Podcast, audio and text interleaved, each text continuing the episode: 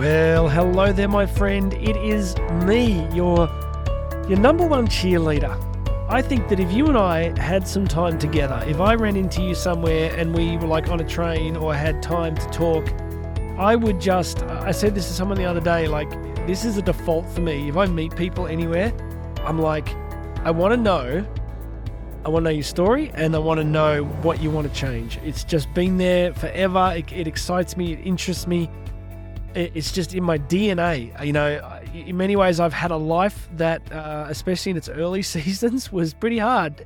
And I've been able, by the grace of God and some good people, to come a pretty, you know, to, to have a pretty awesome journey. And I just want to really help anybody that will listen to grow and to change. And if you're hearing these words, you're that person today. And I'm stoked that you're here. So we're going to jump in in just a second. Uh, housekeeping. If you like what you hear today, I would love you to subscribe. It makes a difference. It gets the podcast further up the rankings and then it gets seen and then more people subscribe to it. And then I get to help more people, which is what I'm trying to do here. So I'd love you to subscribe, share this with people. And um, you know, with family members and stuff. Like I, I, often recommend, like if you hear something today, just send it to someone in your family and say, "Hey, you're really messed up. You should listen to this." No, don't do that. Especially not before Christmas or birthdays. It just ruins the vibe.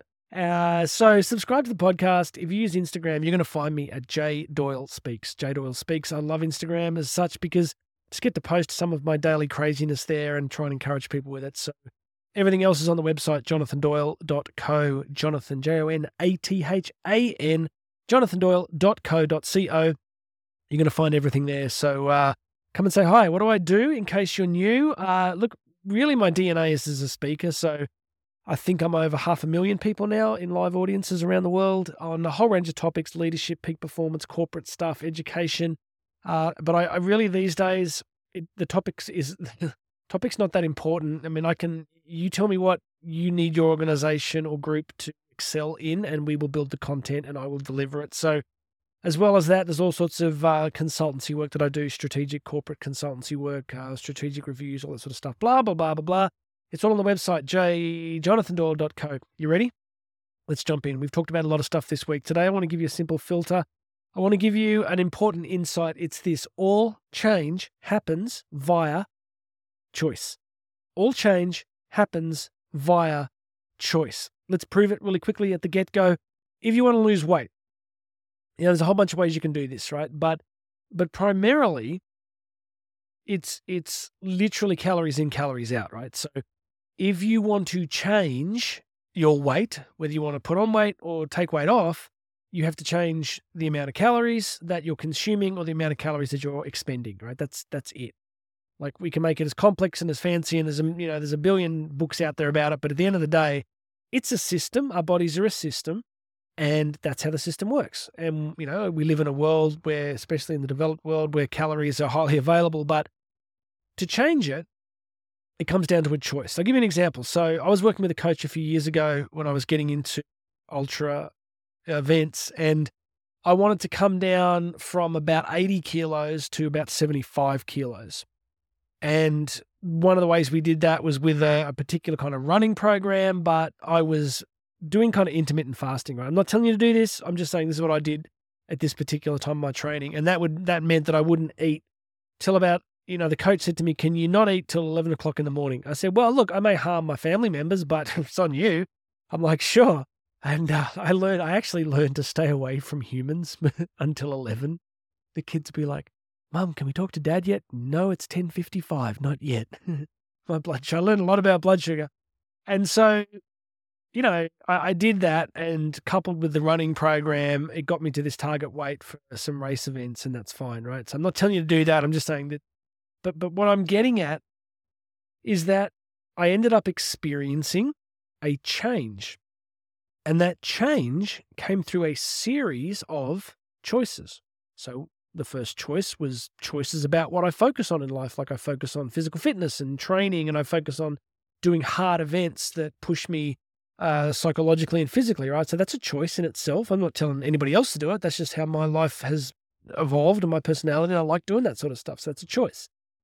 And then I realized that I wasn't getting the results that I was after with my own level of knowledge. So I got a coach. That's another choice. And then this coach introduces a certain sort of training and dietary pattern. And then, you know, literally I had to get up every day and make a choice not to consume calories that way, right? Like, so the change was linked to this series of choices. And if you're listening to this going, well, duh, I'm like, well, I think what happens for many of us is that we're, we're, we're so busy living and doing life that we're not thinking about the ch- relationship between choices and change.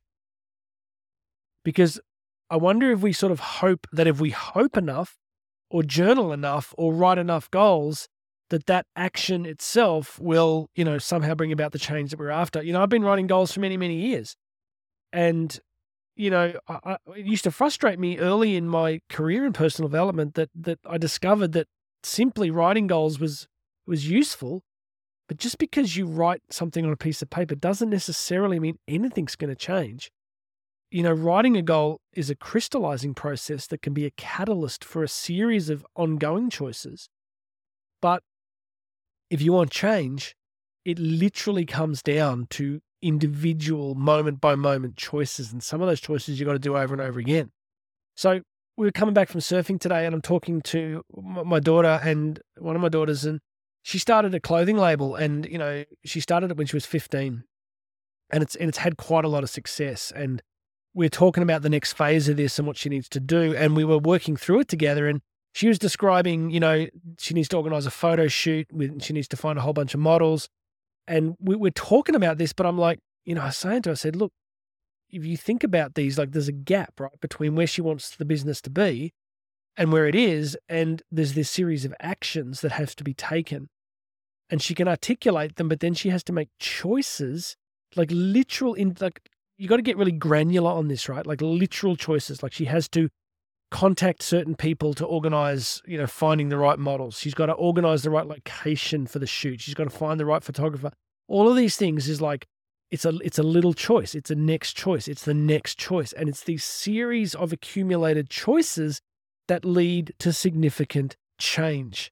So please understand that the, the big ideas in personal development are not like it's not as if you you need to go and sit on the side of a Tibetan mountain with a guru for a year to figure any of this out. Like I don't think I'm often saying anything earth-shatteringly new in the personal development space. I'm just communicating it slightly differently, or I'm just reminding people of it and providing illustrative examples. So let's talk about you, like we did yesterday. Like if there's something that you want to change, you know, yesterday we talked about the first step is to realize that that you will face difficulty and inertia. But today's discussion around change in your life is around the the crucial importance of change. You know, one of my great mentors in this space used to say, you know, this uh, Tony Robbins used to say that decisions shape destiny. Decisions shape destiny. Decisions shape destiny. Like I think we romanticize this idea of destiny that, you know, successful people just kind of end up in these remarkable places and it, it was just destiny. Look, there is luck, there is genetics. Like, you know, um, one of my daughters, you know, we are talking about, you know, Taylor Swift and she's on tour at the moment. And I don't want to date my podcast because somebody could be listening to this in 10 years and go, who's that? But if, if you're listening to this around the time it came out, you're probably going to know. And you know, I, I live my daughter and I, we argue, not argue about it, but we joke about it because she's a big fan and I'm like, I'm a dad. so I'm like, my job just to be contrary on this stuff. But I'm like, yeah, she's really talented and she's a great songwriter and, and she's got a great voice. And, um, you know, let's not, we can't lie. Like she's kind of won the genetic lottery as well. And I said to my daughter, like, you know, she may not have had all these advantages if she didn't, you know, have was born with some of these genetic gifts. So my point is that yes, there is eh, eh, genetic lotteries and there is some people get blessed with unique skills, but no one is forcing them to actualize them. Like I don't know Taylor Swift, you know, but I'm figuring that she's probably worked as well, right? Like she's probably made a whole bunch of choices around making time for songwriting, making time for performing, you know, love her or hate her, whatever. But my point is that there is sort of genetic advantages, but then there's also choices and work. And, you know, th- there's any number of people that might have a voice as good as, as hers or may look similar to her or, you know, maybe she had luck. Who knows? I mean, when it comes to luck, I always remember that great quote from um, I think it was Ben Hogan, the the famous golfer, and it's one of those stories that's become is it apocryphal? Like it's like an urban legend. It's like it gets attributed to a whole bunch of different players, but there's a story, you know, where Ben Hogan is um, is chipping golf balls and you know it's going almost perfectly in the hole every time or one just went in and somebody walked past and said wow you know that was a lucky shot. And hogan famously said yeah funny thing you know the more i practice the luckier i get. So there is this relationship between some kind of talent and work but today's message is really around that piece that choice piece. So i would like you to think about what it is that you want to change and I think we can easily fall into the habit, and I've done this, of living parts of our lives on autopilot where we think that if we're getting bad results and we're miserable, then that's just how it is. And there's comfort in that. I'm preaching to myself here. Like, there's comfort, isn't there? Like, it, it's easier to point at history or your experience or your background or whatever, or your boss, and go, there's the reason that I'm miserable. And once we're doing that, I'm, I'm not denying that people act badly and can harm us, but eventually there's always choice. You know, we I always talk about Viktor Frankl, you know, man's search for meaning. That that was his thesis, right? The last of the human freedoms was that the capacity to choose your response in any circumstance. So as you go forward today, what goes into your mouth is a choice and I actually ate two cupcakes yesterday. I have to be really honest because I knew that would just some of you would be stressed by what I just said. But uh, yesterday, I remember I've been training really hard, and I thought it's just two cupcakes. It's a choice. I didn't have to do it, but I did. So probably wasn't a choice entirely congruent, but they were delicious. They were my daughter. She just does it, makes them all the time. So I, I, I sometimes make what I call suboptimal choices. But the first thing we all got to do together is get conscious about the fact that we are making choices. What we watch, what we listen to, what we read or don't read. Like even this week, I've been on a reading binge. I just finished reading Carol Roth's book on macrofinance um, and and sort of history and and I'm reading two other books simultaneously and I just made choices to just to get some more reading done. So Everything hinges on it, friends. Decision shape destiny. Choice is the thing. All change happens via choice. So pay attention to them today. All right. Come and find me, jonathandoyle.co, Instagram, jdoyle speaks. I'd love to hear from you. My name's Jonathan Doyle. You got this. Be conscious. Let's make some change. You and I are going to talk again tomorrow.